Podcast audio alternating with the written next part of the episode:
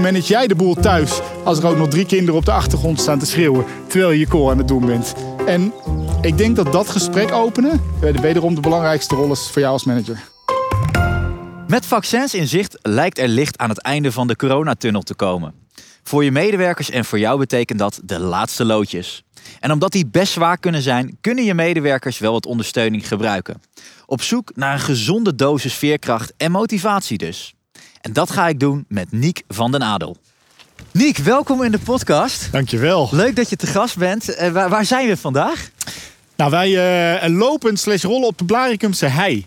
Een plek waar ik graag met, uh, met de hond ook ga wandelen. Ah, kijk. Ehm, een mooi stukje heide in het midden van het land. Prachtig. En je zegt dat we lopen slash rollen, want vandaag is het naast duizend stappen ook duizend omwentelingen, zouden we kunnen zeggen. Ja. Ehm, eerst even bij het begin beginnen. Wie is Nick van der Adel? Nou, ik ben trotse papa van uh, drie hele mooie dochters.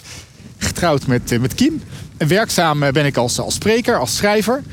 En ik spreek, schrijf veel over de thema's veerkracht, omgaan met veranderen. Omdat het ook hoort bij mijn dagelijks bestaan. En je noemde net al heel mooi even de, de omwentelingen in plaats van de stappen. Dus ik rol mezelf hier voort. Uh -huh. Dus dat heeft ermee te maken dat ik op uh, 28-jarige leeftijd uh, onderuit ging met mijn motorfiets. En daar een hoge dwarslesie en opliep. En zodoende rollend door het leven ga. En ja. dat heeft er eigenlijk, die, die, die gebeurtenis, ja, dat is natuurlijk een gebeurtenis, een tekentje voor het leven. Maar die heeft er ook voor gezorgd dat jij veerkrachtig om hebt moeten gaan met wat op je pad komt. Ja, ja het is niet echt een, uh, het is niet echt een keuze. Hè? Dus, dus uh, je moet wel.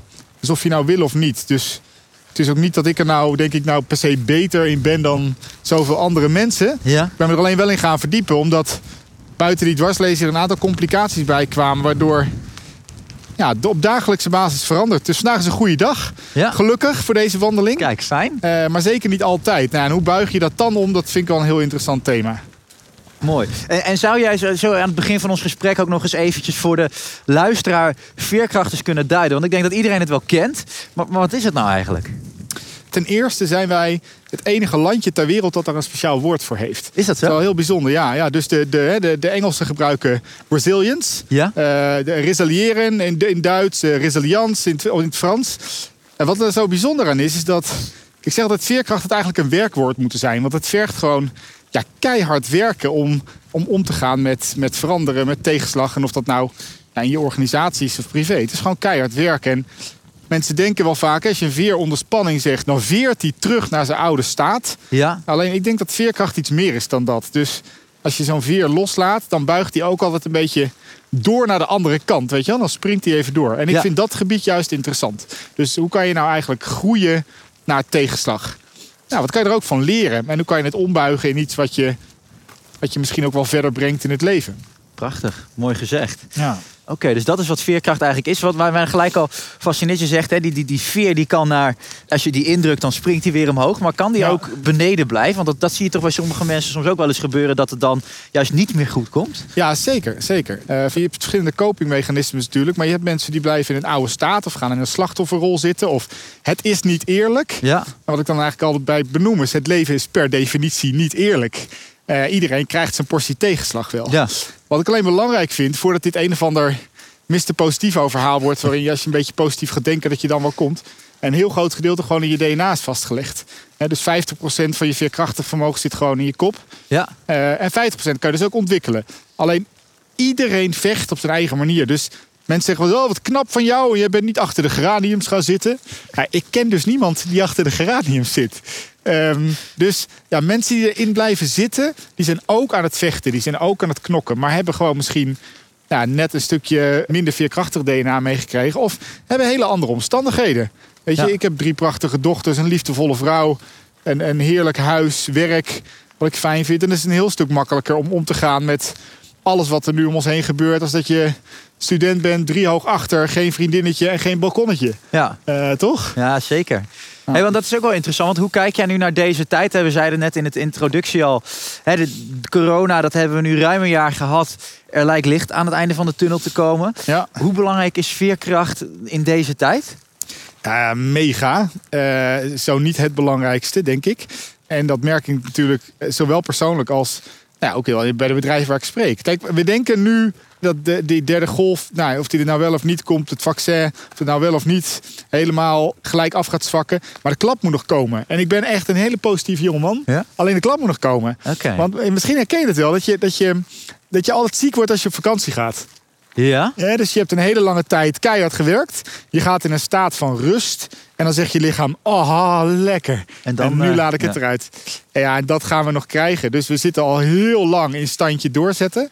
Eh, en dat ja, doorzettingsvermogen is een hele belangrijke eigenschap om veerkrachtig te zijn. Ja. Alleen dus op het moment dat zo direct weer de maatschappij open gaat, de bedrijven open gaan, we weer gaan, ja, dan zul je gaan zien dat, dat heel veel mensen heel lang hebben volgehouden en dan om gaan vallen. En dat is niet, dat is geen negatieve blik, alleen dat is gewoon hoe het werkt. Ook bij mezelf werkt. ja. Ja, ik ben ook die jongen die altijd ziek wordt op vakantie. Wat, wat levert veerkracht nou eigenlijk op? Als je gaat, bijvoorbeeld gaat kijken binnen organisaties. Hè? Want daar mag je natuurlijk heel veel komen vertellen over dit thema. Ja. Eh, Wat, wat, wat, het op als je daar als organisatie, als team, als je er aandacht voor hebt en het gaat goed? Nou ja, het is interessant natuurlijk, zeker voor de mensen die aan het luisteren zijn nu. Ehm, kijk, ik, dit is mijn missie. Hè? Ik maak mensen veerkrachtig en organisaties wendbaar. Zodat ze van waarde blijven op een aarde die het waard is om op te leven. Een heel mooi zinnetje, hebben we heel lang over nagedacht. Ja. Maar ik meen hem compleet. Dus als jij als manager dan wel in de HR ervoor zorgt dat je een veerkrachtige, wendbare organisatie hebt. En ik blijf even weg bij het woordje agile. Hè? Ja. Wendbaarheid in je hoofd, wendbaarheid in de mens. Dat de mens mee wil kunnen veranderen. Ja, dan zorg je ervoor dat je niet alleen zelf, maar ook dat je organisatie eigenaar blijft van de toekomst. Ehm, dat je dus, de, de, weet je, de wereld gaat sneller en sneller veranderen. Ehm, en heb jij eh, een organisatie gefaciliteerd waarbij mensen zo veerkrachtig zijn dat als we dus, nou bijvoorbeeld zo'n hele digitale evacuatie die we nu hebben gehad, dat je die aan kan. Ja. En niet alleen in je processen, maar in je mensen. Ja, en dat vind ik wel een rol van een manager of een HR-professional. Eh, om dat gedeeltelijk te faciliteren. Zijn er dan nog meer dingen als je kijkt, bijvoorbeeld binnen organisaties, om die veerkracht te verhogen? Ja, ja, mega. Kijk, alle keynotes die ik momenteel geef, die gaan eigenlijk helemaal niet over veerkracht. Die gaan eigenlijk over verbinding. Ja. We zijn dit laatste jaar enorm de verbinding met elkaar kwijtgeraakt. En ehm, kijk, je hoeft dit niet alleen te doen. Ik ben niet de enige die het moeilijk heeft gehad het afgelopen jaar. Ja. Eh, en dus, dus waar ik veel terugkrijg is dat mensen juist die verbinding missen. En dan starten we onze achtste Zoom-call van de dag met weer productiecijfers of protocollen of regels of nieuwe dingen. En ik geloof dat als we even vijf minuten per meeting besteden aan hey, hoe gaat het nou eigenlijk met je? Eh hey, ik red het ook eventjes niet. Even stilstaan, dat je het ook gewoon even niet mag redden. Ja. Dus niet alleen maar van die blije eikels zoals mij uitnodigen, maar ook dat je het even gezamenlijk niet mag redden. En dat is een enorme eh verbintenis. Alleen door daar overheen te gaan, voelen we ons allemaal niet lekker. Alleen praten we er niet over met elkaar. Hmm. Ehm, dus ik denk, ja, al faciliteren dat, dat mensen daar bewust bij stil gaan staan. Nou, daar is een beetje zo'n verbindenis mee. Maar geef je mensen dus ook het idee, oké, ik hoef het dus niet alleen te doen. Nee. En die, eh, die is mega belangrijk om veerkrachtig en dus ook wendbaar te kunnen zijn als organisatie. En, en wat je daarover laatst zegt, dat is misschien nog wel het begin van het überhaupt veerkrachtig kunnen zijn. En dat is namelijk die bewustwording. Ja. Eh, maar dat betekent allereerst dat je er ook bewust van moet zijn. Bijvoorbeeld in zo'n tijd waarin we nu met elkaar leven of hebben geleefd voor een lange tijd. Dat je invloed hebt. Dat je daar maar in mag kiezen. Hoe, hoe kan je die bewustwording dan nog bij jezelf of misschien bij mensen om je heen aanwakkeren? Nou ja, ik, de- ieder heeft daar natuurlijk zijn eigen methodes voor. Degene eh, die bij mij eigenlijk altijd werkt is eh, vertragen. Vertragen. En eh, ik denk dat dat stap nummer één is in welke bewustwording dan ook. Kijk, het leven, zeker de laatste jaren, is één grote rat race. En voor je het weet heb je 45 e-mailtjes, 200 WhatsAppjes openstaan. Ja. En ben je alleen maar bezig om de trein te halen. Zo vind ik het leven nog wel eens voelen. Ja. Gewoon het alleen maar drukker en drukker. En vanuit haast, vanuit druk zijn, is het onmogelijk om om te gaan met al die veranderingen om je heen. Omdat je letterlijk de focus niet hebt. Dus mijn eerste stap met iedereen altijd zal zijn: ga vertragen. Ja. Word, eh, word rustig. ja. En, Wij en maken de- ondertussen, ik onderbreek je even, dat vind ik dan wel leuk om te zien. Wij moeten even omdraaien, omdat wij door een bootcampclubje heen lopen. En eh, dit zijn niet mensen van onze leeftijd, dit zijn mensen die, eh, denk ik, de 60 ruim gepasseerd Ja, zijn. mooi, hè? Die zitten hier op een toch een druilerige, regenachtige dag op de heide zit ze je te bootcampen. Nee. Als ze- ze, als- alsof ze ja, de podcast die uit Ik, moet komen, eh, of alsof ze hem al geluisterd Ik wou hebben. zeggen. Nou, maar ook dit is dus... Kijk, voordat je bij vertragen denkt... je moet mediteren of je moet mindfulness doen... sporten is een hele mooie manier om te vertragen. Voor een hele hoop mensen ook hun hoofd leeg krijgen. Hè? Ja. En dan kom je terug en dan denk je... oh, wacht, hè, hè, ik kan het weer even aan. Eh, voor mij is dat een boek lezen, wandelen, ehm, beter rusten, praten met vrienden. Maar, maar vertragen, voelen, versnellen. Dat zijn de drie V's. Ja. Eh, maar eerst tot rust komen. En vanuit rust kom je tot kracht. Stilstaan is vooruitgang. Ik kan er een hele hoop one-liners in gaan gooien nu. Ehm, maar dat, dat is wel hetgeen wat ik, wat ik het allerlastigste vind. Want het lijkt wel alsof ik zoveel moet doen de hele tijd. En dat even loslaten, eh, letterlijk stil gaan staan, ja, daar zit je kracht. En dan ga je voelen, hey, hoe gaat het eigenlijk met me? Ik zit helemaal niet lekker in je vel. Ja, en dan krijg je dus, oké, dan moet ik nu gaan bewegen. Dan moet ik nu iets aan mijn sociale omgeving gaan doen. Iets aan mijn gedachten gaan doen. Iets aan mijn zingeving gaan doen. Hey, die rust is dus heel belangrijk, Niek. Ja. Maar die rust, ja, hoe vinden we nu, nu op het werk? Want het lijkt wel alsof we een beetje eh, kantoortje thuis zijn gaan spelen. En ja. Ja. we zien dat mensen ja, die rust eigenlijk helemaal niet meer ervaren. Hoe zorg je nou binnen je team ervoor, of misschien als leidinggevende, dat je toch die rust in het werk houdt? Ja, inbouwen. Hè? Dus, dus faciliteren. Ik denk dat daar de grootste zit. Dus allereerst is het ook hier weer bewustwording. Dus mensen ervan bewust maken hoe belangrijk dit is. En dan heb je denk ik als organisatie of als manager de rol om dit letterlijk in te gaan bouwen. Dus als jouw dag vol zit, inderdaad, met die, met die team Zoom calls. eh, waar, waar we letterlijk heel erg moe van worden met elkaar. Eh, op het moment dat die hele dag doorgeblokt is met agenda, afspraken, dan kon dat in de normale tijd wel, maar dat kan niet in tijden van stress. Dus ik denk dat je als manager een hele belangrijke rol te spelen hebt om dat in te bouwen. Nou, hoe doe je dat nou? Dat kan letterlijk dus door een andere agenda aan te houden. Dat kan letterlijk dat je andere oefeningen met mensen gaat doen. Dat kan letterlijk dat je mensen rustmomentjes thuis geeft. Dus in plaats van het bosje bloemen, geef mensen maar eens een ontspanningsmassage.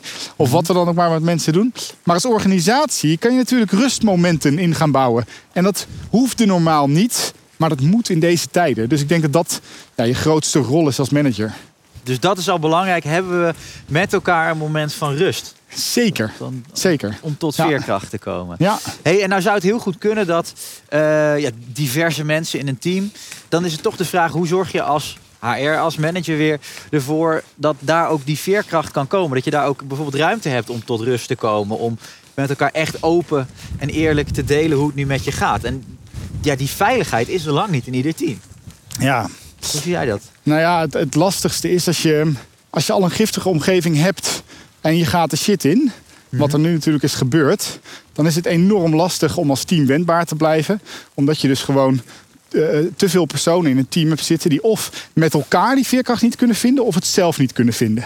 En de ideale oplossing zou natuurlijk niet zijn ontsla het hele team maar. Want dat is natuurlijk ook niet heel handig als ik dat advies ga geven.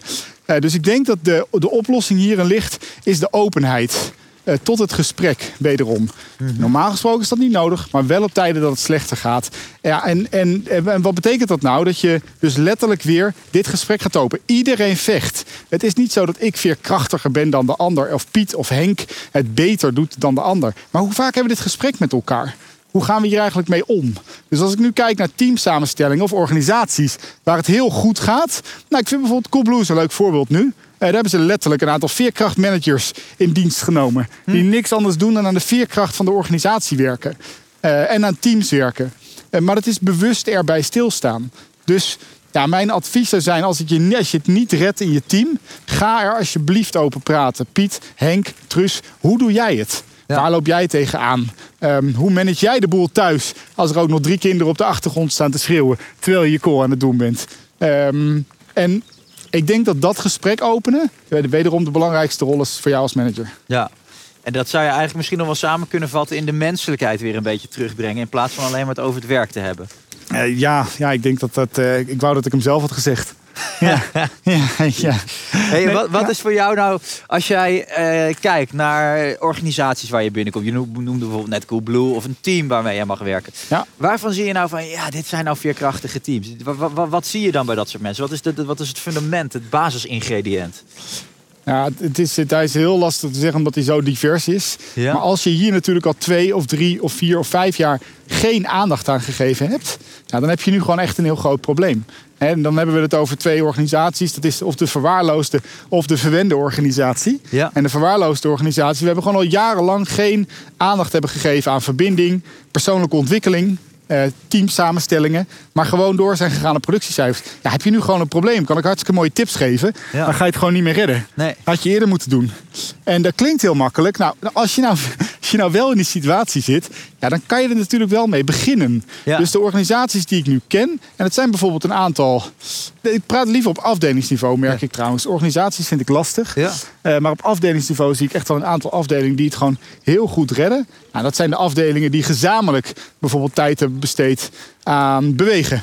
Dan wel achter een camera. Dat zijn mensen die met elkaar dit gesprek aan zijn gegaan. Dat zijn mensen die ehm, heel veel bewust aandacht hebben gegeven nou ja, aan, aan die menselijkheid. Ja. En als ik hem weer terugtrek op mezelf, dan is dat bij mij precies hetzelfde. Ik kan mijn, mijn hele handicap, mijn hele dwarslezing proberen te analyseren en in productiecijfers te vatten. Ja. Maar uiteindelijk gaat het erover, goed zorg ik voor mezelf, voor mijn lichaam, voor de mensen om me heen.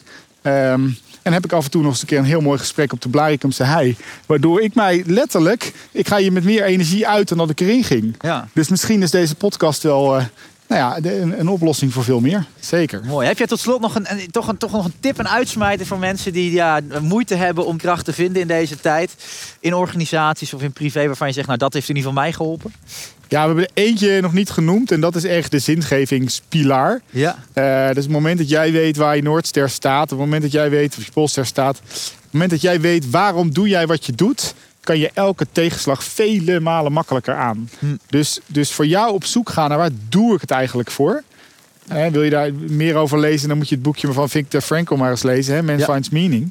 Eh, als je weet waar jij het voor doet, is elke tegenslag, wat er ook gebeurt, eh, die kan je aan. Ja. Omdat, omdat je noorden hetzelfde blijft. Ehm, dus ja, daar werk ik eigenlijk het liefst aan met mensen. Ja. Dus dat is ook een mooie oproep of vraag aan mensen. Hè? Weet je waarvoor je het doet? En als je dat gevoel hebt, dan wordt het makkelijker om ook met tegenslagen om te gaan. 100 procent. Ja. Niek, mag ik je hartelijk danken voor je inspiratie. Zeker weten, Arjen. Zeker weten. Dat waren ze dan, de duizend omwentelingen met Niek van den Adel. En hopelijk heeft Niek jou, net als mij, geïnspireerd op het thema veerkracht. En laten zien waarom het zo belangrijk is. Voor jezelf, maar ook voor je medewerkers. Dus kom in beweging. Zorg dat de menselijkheid terugkomt in het werk. En faciliteer vertraging. Als je met ons mee hebt gelopen, complimenten. En wil je nou nog meer inspiratie? Ga dan naar www.zilverenkruis.nl slash zakelijk.